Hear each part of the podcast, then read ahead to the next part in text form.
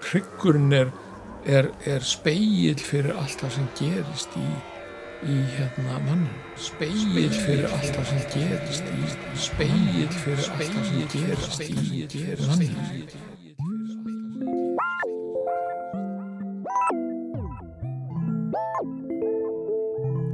Yeah.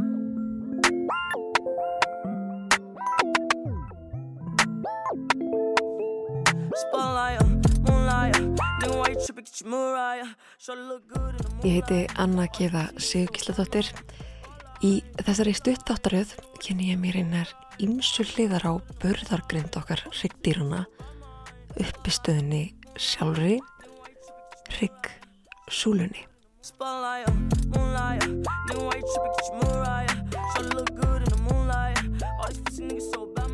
Við skoðum minnar ýmsu byrtingamindir hryggsins í menningarsögunni, kynum okkur þróun hans frá því að hann var agnar smá viðkvæm súla í fyrsta hryggdýrinu og það allan risti sig upp, mótaðist í beinlenguna sem að heldur okkur homo sapiens uppistandandi í dag.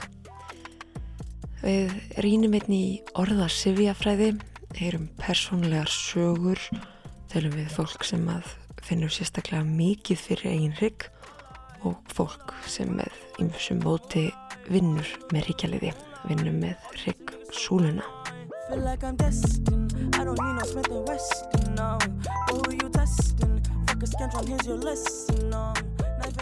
Og þá er komið að síðasta þætti hjá okkur í þessari stutt þáttaröðum hrygg súluna.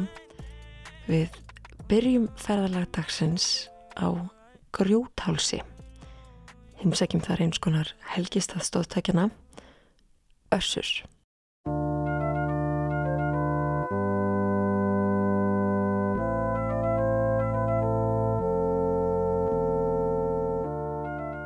Langar að aðtúa hvort og þá hvernig unnið er þar með hryggsúluna.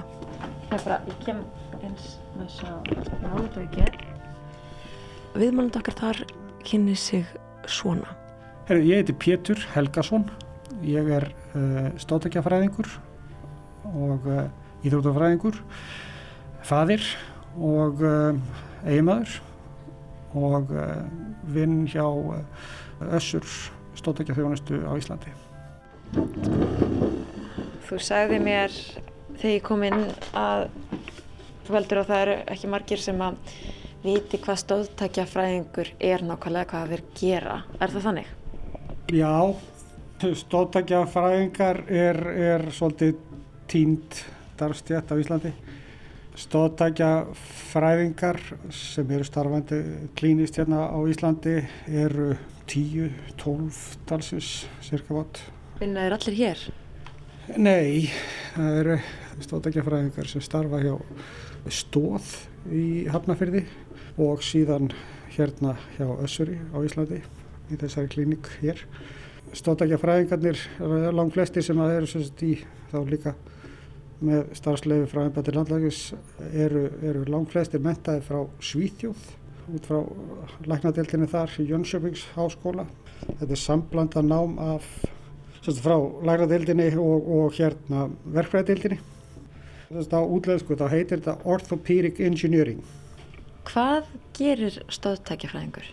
Sko, stóðtækjafræðingur, hann er að móta, forma, sníða, úrræði, úrlausnir, hjálpartæki til þess að styðja líkamshluta, líkamspart, vöndun á líkamspart hlut við alls konar uh, patológi, eða hérna svona læknisfræðilega uh, sjúkdóma, he heilsufarslega einkenni til þess að, að vinna að því að, að bæta upp fyrir, draga úr skerðingu og auka færni og hvort sem að það sé bara til stutts líkamsflutningar frá, frá, frá, frá rúmi yfir í stól eða til að mynda búið til gerfi fót búið til Gump spelku sem er kannski er sjaldnara sem að við erum kannski að gera svoleiðis en Hvað er svona spelka það? Já, það er svona heilfótar spelka uh, úr áliðum eins og Gump sjálfur var í. Það meira svona, það er sjaldnar þú veist, það er alveg viss, jú, jú, það er alveg, alveg til en þá uh, einstaklingar sem þurfa á, á slíkum spelkum að halda til dæmis uh, með, með lamanir uh, og annað slikt sko til þess að eiga möguleika og geta stað upp og hort í augun á fólki í samskiptum. Þannig að já, við erum svona svolítið kannski svona mennir á bakvið tjöldin oft, gera, gera heit og þetta, eða menn og konur.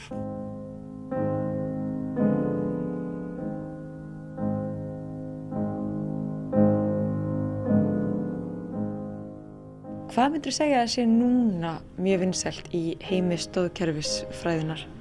Það sem er, er mjög mikið í þróun, það er tenging eða svona að vinna í sko raförfun, þar að segja að, að fá annarkot spelkur já, og gerfi fætur, gerfi hendur til þess að vinna með huganum. Hvernig þá nákvæmlega? Til dæmis út með uh, droppfót, uh, slettifót eftir til dæmis heilablóðfall. Þá er, er, eru til svona raförfanir þannig að það hjálpi að sitja í gang þessa vöðva sem eru eitthvað eitthva svoðandi. Það, það er til ólíka nálganir á þessu en þegar við vitum að sko kálva vöðvinn okkar stóri á að fara af stað í gönguferlinu þar að segja frá hæl til tá þá er búið að kenna svona spelkum eða stuðningshólkum að sita inn spennu uh, og þá, það, þá er það stilt af í þeim, þeim svona takti, krafti eh, rafspennu til þess að fá svona þægilega hreyfingu stjórn fyrir einstaklingin þannig að hann getur svona ekki lappa með þá þennan slettifót. Svo er þetta líka, höfum við verið að gera þetta með gerufætur, þá er sett svona pínu lítið svona innplant inn í, inn í vöðvana og svo kemur harða hulsan e, yfir og inn í hörðu hulsunni eru, eru, eru viðtökuskinjarar þannig að þegar að einstaklingurinn er að fara til að mynda e, uppstiga þá viljum við þetta lifta upp öklanum, lifta tánum upp þannig að, þannig að við löpum ekki í stigan og þá fer af stað uh, af því það er ekki búið að klippa á, á taugarna þetta er allt, öll, öll bóðin skilabóðin eru til staðar að þá, þá fer gerfugreindar öklin skinnjar hann þetta út frá þess að þá tala hana, þessir nemar sem er búið að sitja inn í vöðan talar við öklan til, til dæmis og þannig að þá, þá lifta upp sko.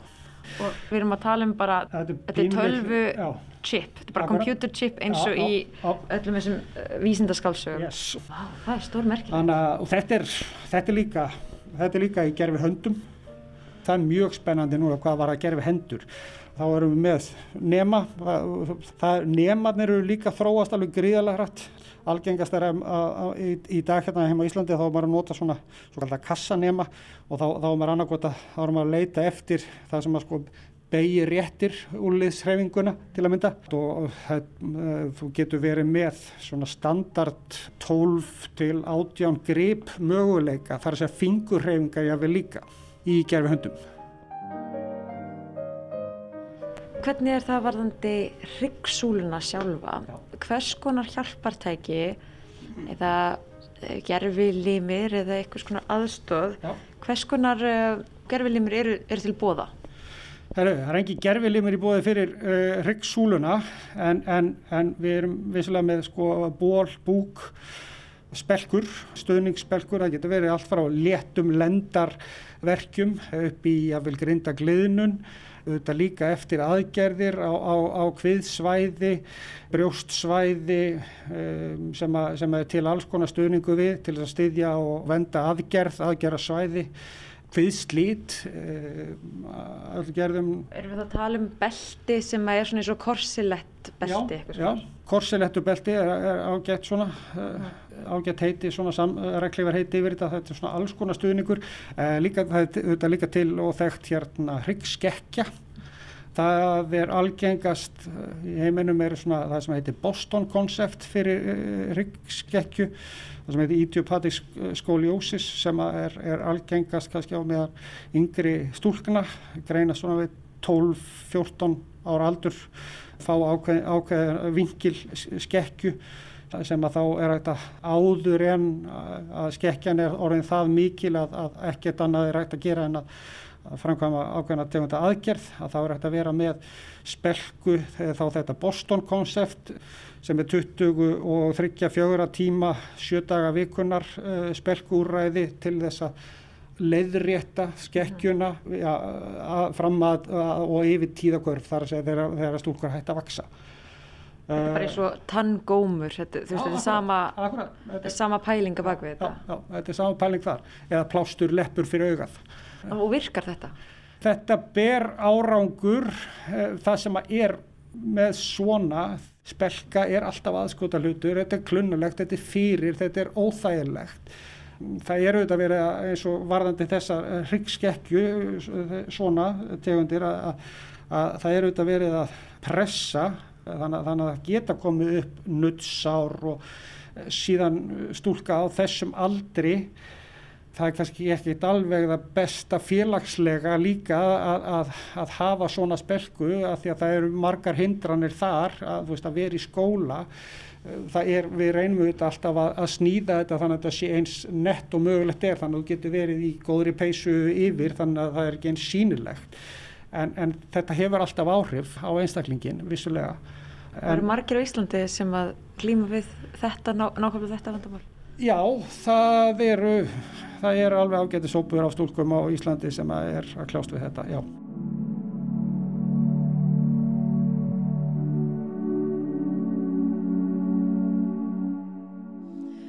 Hvað er hryggskekkja?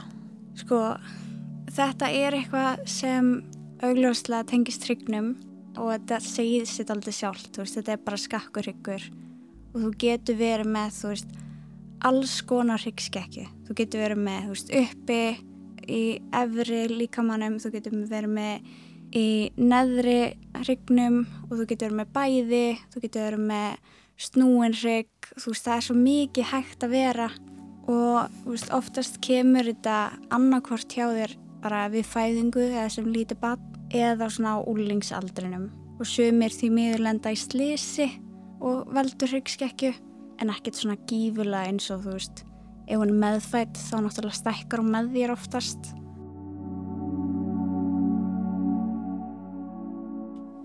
Ég heiti Karen Helundóttir ég er 24 að vera 25 núna á þessu ári og ég er að læra ljósmyndin upp í tekniskóla Karin er með meðfættar hryggskekkju. Hún segir okkur frá reynslu sinni. Ríksíkja mín kom upp cirka 12 ára, 13 ára. Ég var ekkert búin að taka eftir henni. En núna þegar maður veit að henni þá sér maður alveg á myndum þegar ég var 12-13 ára, þú veist. Þegar ég var að fermast þá sér maður það alveg á kjólunum mínum. Hvaða er mikil skekkja, sko. Maður bara tók ekki eftir þessu. Stendur líka minn einhvern veginn í smá skekki? Já, og það sérst alveg, þú veist, á mjöðmannum mínum, þá er ein mjöðminn bara þvílegt stór, bara til hliðar, sem er ótrúlega fyndið því að maður eitthvað neginn, maður horfir ekki beint kannski á krakka þannig og maður tekur ekkert eftir að litli krakkar eru ykkur um kjólum, þá er maður ekkert eitthvað, já, vá, ein mjöðminn hennar er miklu starf en hinn, skilur Mm -hmm. en svoleiðis var það hjá mér. Og veist, ég meira bara var með ykkur skona verki, veist, ég var með lélegt þól og maður taldi það bara pínu sem leti kannski. Ekki eitthvað, já tryggurinn er eitthvað hamlamann þegar maður vissi ekki að þessu sko. En já, svo fór ég til kýropraktors í kringum 13 ára. Út af verkjum þá kom í ljós þessi skekkja. Og hvernig var að uppgöta að þú væri með hryggskekkju á þessum aldri? sko, nú minni mitt hræðilegt þannig að ég man ekki strósalega mikið eftir þessu tímabili ég held bara manni leið náttúrulega ekkit vel á þessum tíma. Þessi 13 ára gamli krakki maður á ekki að vera að hugsa um ykkur á bakverki skiljur við þannig að það var kannski gott að vera með eitthvað svona, ó, ok, þetta útskýrir af hverju með leiðin sem er leið. En mann finnst náttúrulega ekkert gaman að heyra bara já, þú ert með ríkskekju og þú veist, þetta er hamlaði og eitthvað svona. Að ég veit ekki, mann leiði bara ekkert vel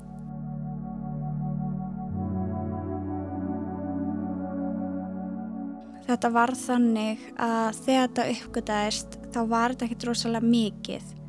Með árunum þá er þetta að stækka. Veist, ég með 20 gráða skekki uppi í efri sem þú veist, maður tekur lægt eftir og hérna, hún er ennþá 20 og hefur alltaf verið. En niðri þá held ég að hún hafi verið um 30 gráður þegar veist, þetta kom í ljós og svo þegar ég fór í aðgerð þá var hún 63 gráður. Þannig á tveimur árum Já, þú veist, tveim, þreimur árum þá hún stækka svona rosalega sko. og þú fer þá í aðgerð 17 ára gömul, Mhm. þannig að nokkrum árum eftir þetta uppgötast Mm með 60 gráðu hryggskekkju í neðri hluta hryggsins. -hmm. Hvað er gert í svona aðgerð og hvernig var þetta allt saman? Það þurfti allan ekkert að gera í efri helmingnum því að oftast gera það ekkert fyrir en þú ert komin yfir 50 gráður. Þannig að veist, fyrst var rosa lengi bara beðið. Það var reynd að stoppa skekkjuna og eitthvað svona sko. Ég var í svona spelku, þú veist, alveg í heilt ár. Þá var ég í spelku í 22 tíma dags, þannig ég svaf í henni, fór basically bara úr henni hvernig einasta dag til að fara bara sturtu og svona anda aðeins. Þetta var alveg frá mjöðminni og alveg upp og svona fyrir neðan brjóstin. Þannig að maður var í því bara dagstæla í eitt ár og eitt mánuð. Já, var, var erfitt að vera í svona spelku, hvernig, Þetta var mjög erfitt. Ég fór ekkert í íþróttir eða sund á þessum tíma sko. Þú veist maður, ég var, ég var í svona óléttu gallabuxum því ég gæti ekki verið í venjulegum gallabuxum sko. Og sem úlingur þá viltu náttúrulega vera í svona buxum eins og allir aðrir skilur. Gallabuxur eru náttúrulega bara venjulegar á þessum tíma. Þannig að ég var í óléttu gallabuxum til að ná yfir og ég var bara í rosalega víðum fötum til að fela þetta sérstaklega því að þarna vissi fólk ekki að þessu sko og var það feimnis atriði fyrir þig? Þú varst ekki Alveg. stolt af þessu? mjög, það voru mjög fáir sem vissi að þessu í kringum mig á þessum tíma og ég opnaði mig ekkert fyrir en þú veist fyrir en bara sama ár og ég fer í, í aðgerðana sko veist, þetta var bara þetta var það versta í heimi fannst mér Þegar þú talar um að þetta sé feimnismál, eða hafi verið feimnismál, hvað áttu við? Hvers konar feimnismál var þetta? mér fannst rosalega oft þegar ég var yngri að maður var bara ekkert eins og allir hinnir að maður þurfti að fela líka minn var ekki eins og ég allavega kallaði mér rosa oft peru þegar ég var yngri út af því að mjöðmynda voru svo ógislar hjá mér. Að þar voru svona eins og pera í læginu í stæðan fyrir að stelpunar voru þú veist eins og svona árglas eða svona stundar veist, og mér fannst það rosalega ömulegt þegar ég var yngri hvað maður var bara svona eitthvað ógsleiru lægin ætla ég að segja. Mér finnst það ekki núna mér finnst þetta fáránlegt að maður hefur eitthvað tíman hugsað þannig. En það er til dæmis eitthvað sem mér fannst vera bara af hverju ég á svona feimin með þetta. Það maður var öðruvísi og maður tengdi eitthvað en ekkert vinn neitt því að sérstaklega á þessum tíma þá vissi ég ekki um neitt sem er ríkskekju og þú veist það var ekkert talað um þetta. Ég vissi ekki að það væri svona margir á Íslandi með þetta fyrir en bara mörgum árum setna eða bara rétt fyrir aðgerði raun. Já, og þú hefur kannski ekki heldur þekkt krakka á þínum aldri sem að voru með verki. Nei, ekki neitt. er það er aldrei talað um það sérstaklega eins og litli krakkar. Litli krakkar geta verið rosa verkjaðir en þetta er alltaf svo mikið það er ekki talað um það. Veist, og ef krakkiðin er illt í bakinu það hlýtur að vera meira ástæða en þetta sé bara batni þetta að vera pínu vælikjöfi eða skiluru þú veist, mér finnst eitthvað neginn það er svo oft gert lítið úr börnum sem eru verkið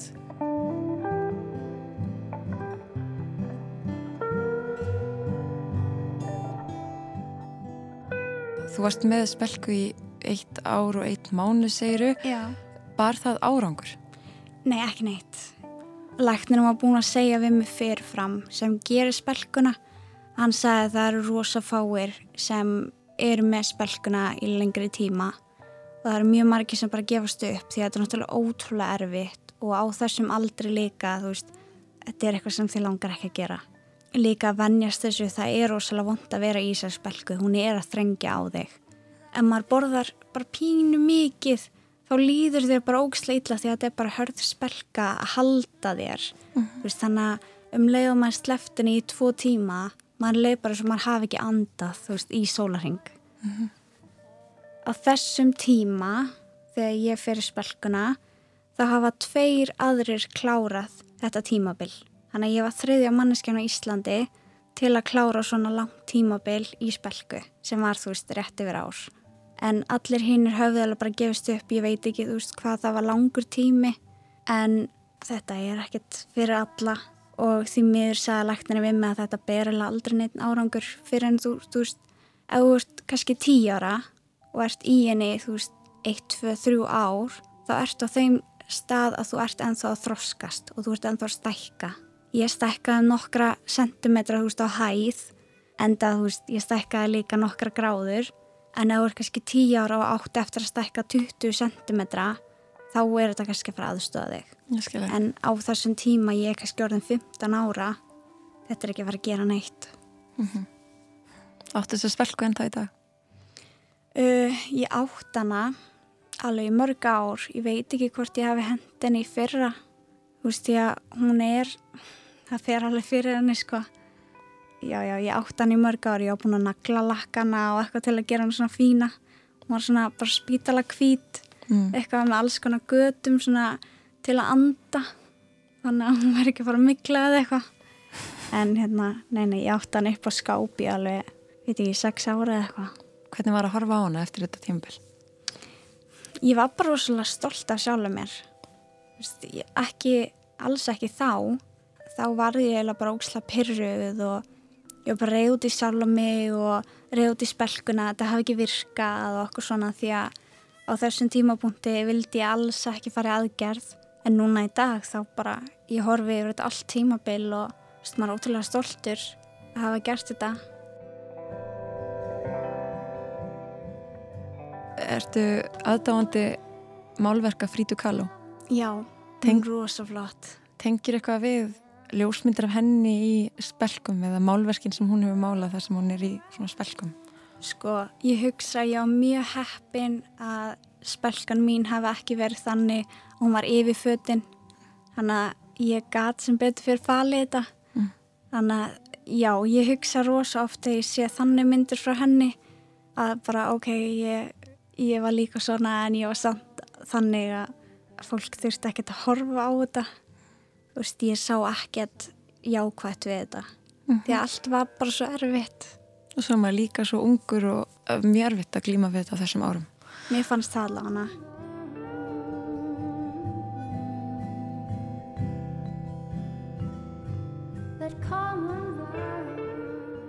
Svo fórst ég aðgerð. Já, Hvernig var það? Hvernig er svona aðgerð? Hvað er gert? ryggurinn er spengdur upp. Ekki sprengdur eins og hefur stundum verið skrifað í blöðum, heldur bara spengdur. Og ég er sem sagt með 25 cm stál í bakinu. Og það er rauninni, þú veist, ryggurinn minn var í fyrsta lagi snúin að neðan. Þannig að það þurfti að rétta hann af og festa stál veist, í kringum hann sem er núna bara orðið að hrygnum. Þannig að það er skrúað inn í Já, hryggjaleðina. já, þannig að ég er með 12 skrúur líka og þetta 25 cm stál og það á bara alltaf að vera þarna. Svo reyndar þú veist, ég þekki til nokkra sem lendu bara því miður í því að þær voru bara ennþá verkjar tveim, þrjum árum eftir aðgerð eins og þær væru nýbúnar í aðgerð þannig að þú þurft að taka það úr. Þú veist, stáli hendar ekkit alltaf öllum sem er bara rosalega sorglegt því að þú veist eins og þetta heldur hrygnum mínum og þetta hjálpar því að, að ég er ekkit að fara að stækka um einhverja gráður alltaf á kannski hverju ári og þá búa að segja við mig að með tímanum þá myndi ég líklast enda í hjólastól út af því að þú veist þetta átti eftir að stækka svo mikið. Það er að segja ef þú færir ekki aðgerð. Já, þannig að veist, ég er mjög heppin að aðgerðin gekk svona vel og að stálið bara var ekki að flækjast fyrir mér og líkamannum mínum. En eins og ég segi það eru nokkrar allan hér á Íslandi sem ég veit um sem þurft að fara í aðgerð og láta taka úr. Og það er náttúrulega bara sitt eigi bataferli og, og svo þú veist hvað tekur við eftir það? Það því að þú veist ennþá með þessa skekkju og, og þínu verki ennþá og allt þetta. Þannig að aðgerðin breytti lífiðinu. Já, algjörlega. Þú veist og ég er ekkert á besta stað í dag fyrir þrejum árum þá lendi ég því að ég fæ eitthvað svona verki sem ég hafði aldrei upplifa áður og ég fyrir upp á spítala og er þar í, í sólaring og það eru tekna myndir og svona og, og læknir segir við mig að þetta séu bara bólgur og ég þurfi bara að fara í sjúkriðþálfun og þetta verður bara allt í lægi. Það verða fjögur á núna í september á þessu ári og en þá er þetta bara bólgur, segja þeir og hérna ég er honin öruski í dag. En veist, ég var alveg í þrjú mjög góð ár eftir aðgerðina, þá fann ég ekki fyrir bakinu. Ég fann bara enga verki og það var svo mikið bara nýtt líf. En þú veist, núna í dag þá þá er ég ekki alveg eins heppin. En þú veist, ég myndi samt aldrei taka þetta tilbaka, veist, aðgerðin gaf mér svo mikið og maður veit ekkert hvar ég væri núna í dag hefði ég ekki farið aðgerðina. þú veist, ég get staðið og ég get lappað á, á mínum góðu dögum, veist, ég áalið mína slæmi daga sem ég kemst ekki upp á rúminu það er erfitt að setjast á klósetti eða okkur svona en sem betur fer er þeir bara fáir og veist, ég er í sjúkarþalvun og maður er með æfingar og eitthvað svona og maður þarf bara dálítið að viðhalda sér og passa líka bara upp á sinna einn líkama sem mm. þú veist allir þurfa hvað sem er að gera mm -hmm.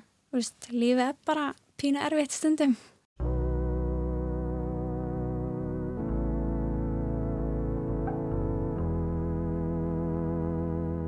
Hvers konar verkir fylgja hryggskekkju og er fólk almennt með samskonar verki eða er fólk með mismunandi verki? Hvernig verkir eru þetta? Miða við hópin sem ég er í á Facebook þá hefur maður séð að fólk sem er kannski með 20 gráða skekju það getur verið rosalega kvalið á meðan fólk með 50-60 gráða skekju kannski finnur ekki neitt en finnur bara að það sé styrst eða eitthvað álíka. Vist, við erum öll rosalega misheppin. Ef þú ert með 20 gráða skekju þá er eiginlega bara umilegt á sérst verkjar því að það er ekkert hægt að gera nema bara að vera í sjúkuraþjálfun eða vera í eitthvað svona æfingum því að þú gætir aldrei til dæmis farið aðgerð. En svo er einmitt sumt fólk sem er með kannski ja, mikla skekki og ég var með og það finnur ekkert fyrir því.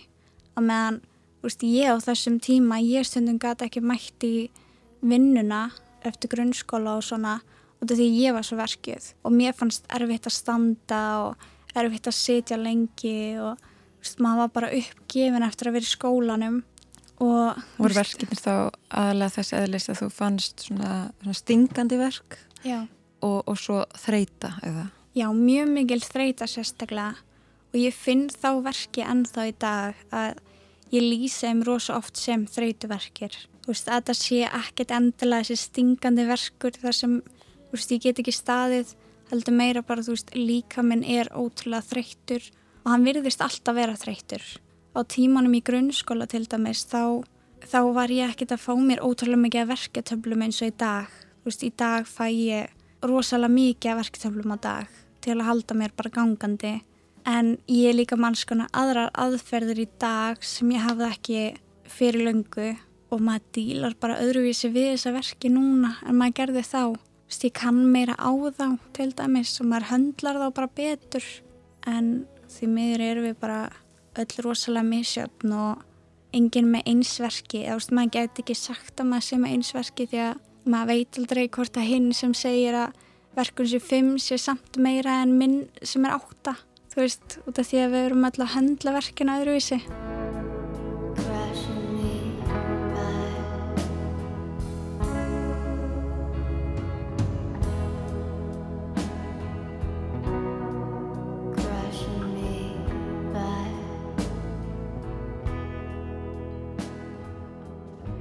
Við myndumst á Frítu Kaló hér áðan þegar það kemur að líkamlegum verkjum, ryggsúlu og almennum stóðkerfisvandamálum.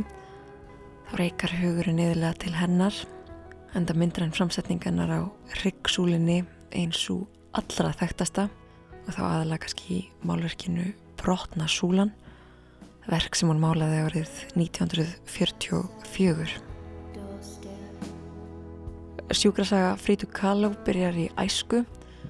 Luminarveiki skildan eftir með visinn fót og smjör þefinn af afleðingum krónískra verkja. bæði þá tilfinningalegum sársöka og sári á sjálfsmynd. Smjör þefurinn tók síðan yfir skinnjunafærin þegar hún lendi í nú fræguslisi átjónar og gömul. Það var bílslis. Hún fór þar úr axlarlið, ryggbrotnaði á þremur stöðum, fótbrotnaði á 11 stöðum og fekk síðan málmstöng inn í gegnum kviðarhólið og niður og út í gegnum sköpin. Eftir þetta tóku við týjir aðgerða, varanlegir verkir, breytt lífstefna og ringluð sjálfsmynd. En brotna súlan árið 1944 þessa mynd málaði Frida Kahlo á meðan hún jafnaði sig eftir aðgerð á ryggsúlinni. Hún var sem sé með á sér rúmföst en í stálspelku sem að sögður hafa létt aðeins á þessum gríðarlegu verkjum hennar og á myndinni á brotnusúlinni málar hún sig nækta standandi fyrir miðri mynd. Í bakgrunni er kuldalegt landslag, norrænt landslag, ætla ég lega mér að segja, og sprungur í jörðu. Jarðskorpan verðist verið að opnast á við og dreif og það sama á sér stað fyrir miðju hennar eigin líkama. Það er gjá í kveðarhólinu og inn í gjáni sjáum við ryggsúlu frítu kalló. Nefnum hér er hún í formi klassískrar grískrar marmarasúlu, það er að segja súlu í jónískum stíl. Þessi súla er möllbrotin, þannig ístöðu laus, en spelkan verðist koma í veg fyrir sundirliðun.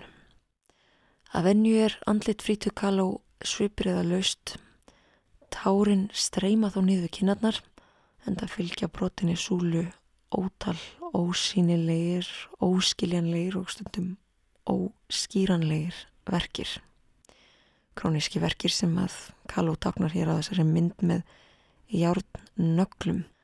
Mís stórir naglar hafa verið reknir inn í líkamennar á við og dreif og vilja listreinar meina að stóru naglanir vísi í líkamlega þjáningu og meðan að smæri naglanir vísi til andlegs sásöka og einmannalega.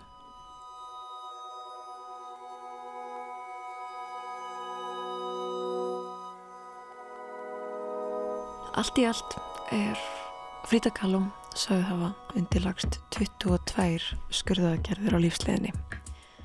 Frá 18 ára aldri einkennast dagbókar og breyfaskrifennar sem og jú listin því eðlilega mikilli líkamleiri þjóningu.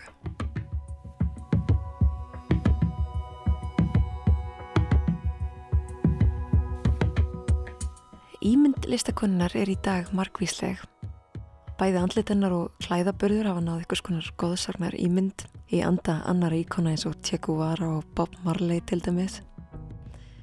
Það sem er þó minna þekkt verðandi þennan klæðabörð er að um, stóru þjóðlegu mexikusku blúsurnar, skósíðu pilsin og þungu kjólarnir sem hún sést yfirlega í. Þetta var ekki hans pólitísk yfirlýsing, heldur einnig leið Kaló til þess að fela sásöka sinn. Ég verða að klæðast síðum pilsum þar sem veika löppin er svo ljót á hún að hafa sagt eitthvað tíman. Undir víðumblúsunum lindist nefnilega oft einhvers konar spelka og undir kjólpilsinu vísin fótur sem hún reyndi með þess að fela ennpötur með því að klæðast ótal lögum af sokkum. Síðan meir var þessi fótur tekin af, þá tók við gerfifótur undir síðu pilsunum.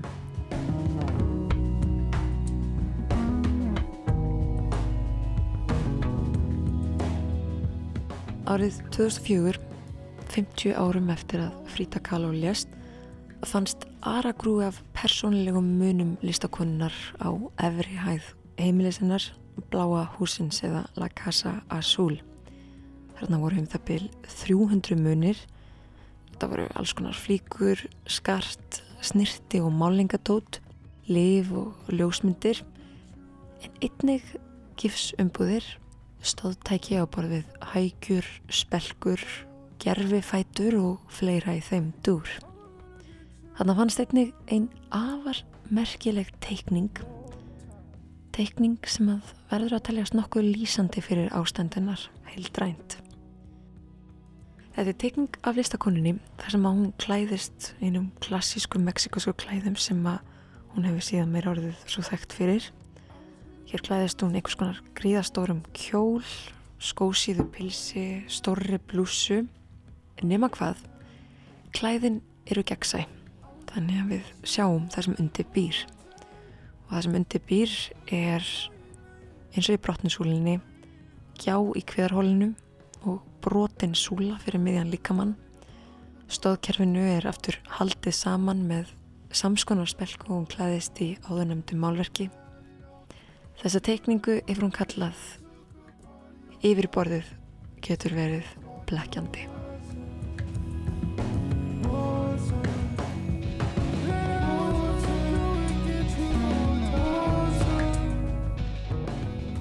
Hvernig er að þurfa að byrja að hugsa um líkamassinn á þannan máta sem svo ungur einstaklingur því það er í rauninni, það er þessi ímynd í samfélaginu að ungt fólk er uh, stálfraust Mm. Og það á ekki að hugsa um líkamassinn allan liðlanga daginn. Sko, ég hef oft fengið frá eldra fólki sem er bara, já, þú svo ung, það er ekkit að þér. Og maður er bara svona, já, kannski sérst ekki á mér, en þú veist, þú getur samt ekki dæmt verki. Þú sérðu ekkit endilega á fólki að þessi verkjað. Og mér finnst þetta pínu svona, ef ég er brosandi ætlar að fara að skamma mig fyrir það. Eða skilur, að ég veit ekki hvernig ég útskýr þetta. Mér finnst þetta við sjáum ekkert alltaf á manneskjuna henni líð illa. Þú veist að líka minn sé ekki í lægi eða hvað sem er. Þú kannski horfur ekkert á mig og sérð bara já hún er með hryggskekkju hún er með þvílegt stórt ör á bakinu og með stál í bakinu þú veist. Maður sér þetta ekkert endilega á manneskju og mér finnst við erum rosalega dómhörð á hvort annað. Sérstaklega eldra fólk eins og þegar ég fór á Reykjalund ég fór þar í, í sex vikur í svona pínu verkja meðferð til að aðstofa með aðeins.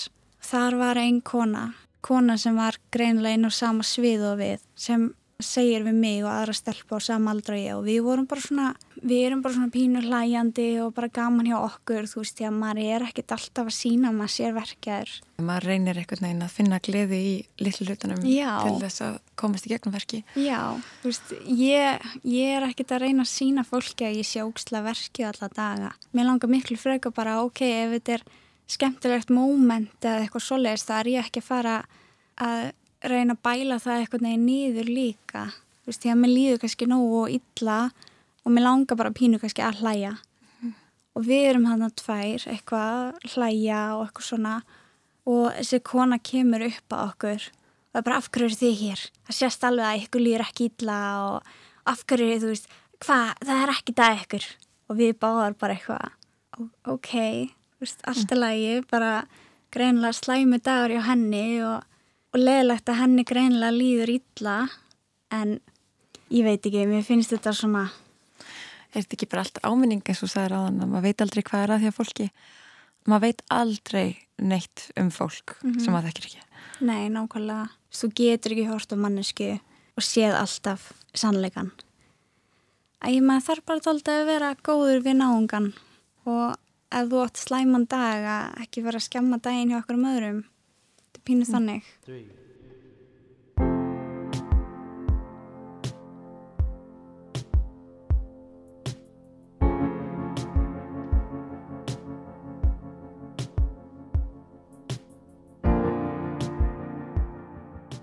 Í hvernig sambandi áttu við fyrirbæri hryggsins og hryggin þinn núna Mhm. eftir allt sem þú hefur gengið í gegnum Svona, því nú finnur þú ert verkið en í dag finnur fyrir honum í hvernig tilfinningasambandi áttu við hryggin.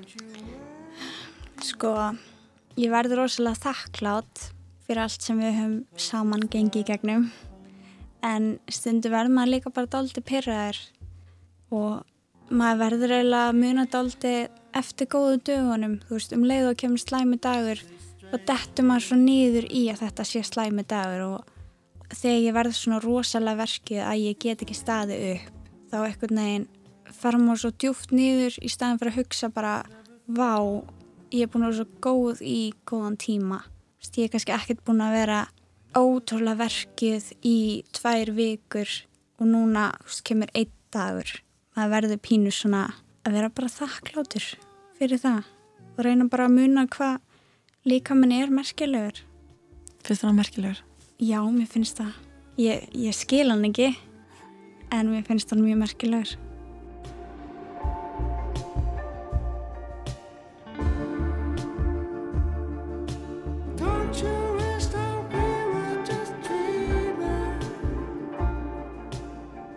Var þessi loki hjá okkur í dag og sömulegis er komið að leðalokum í þessari stutt þáttaröðum Ryggsúluna.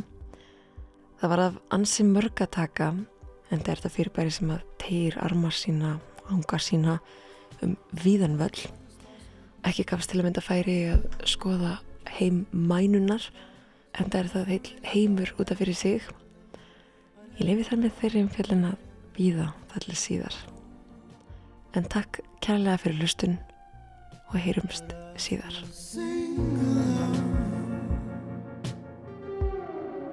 To yesterday's side, I lost in the talking grass.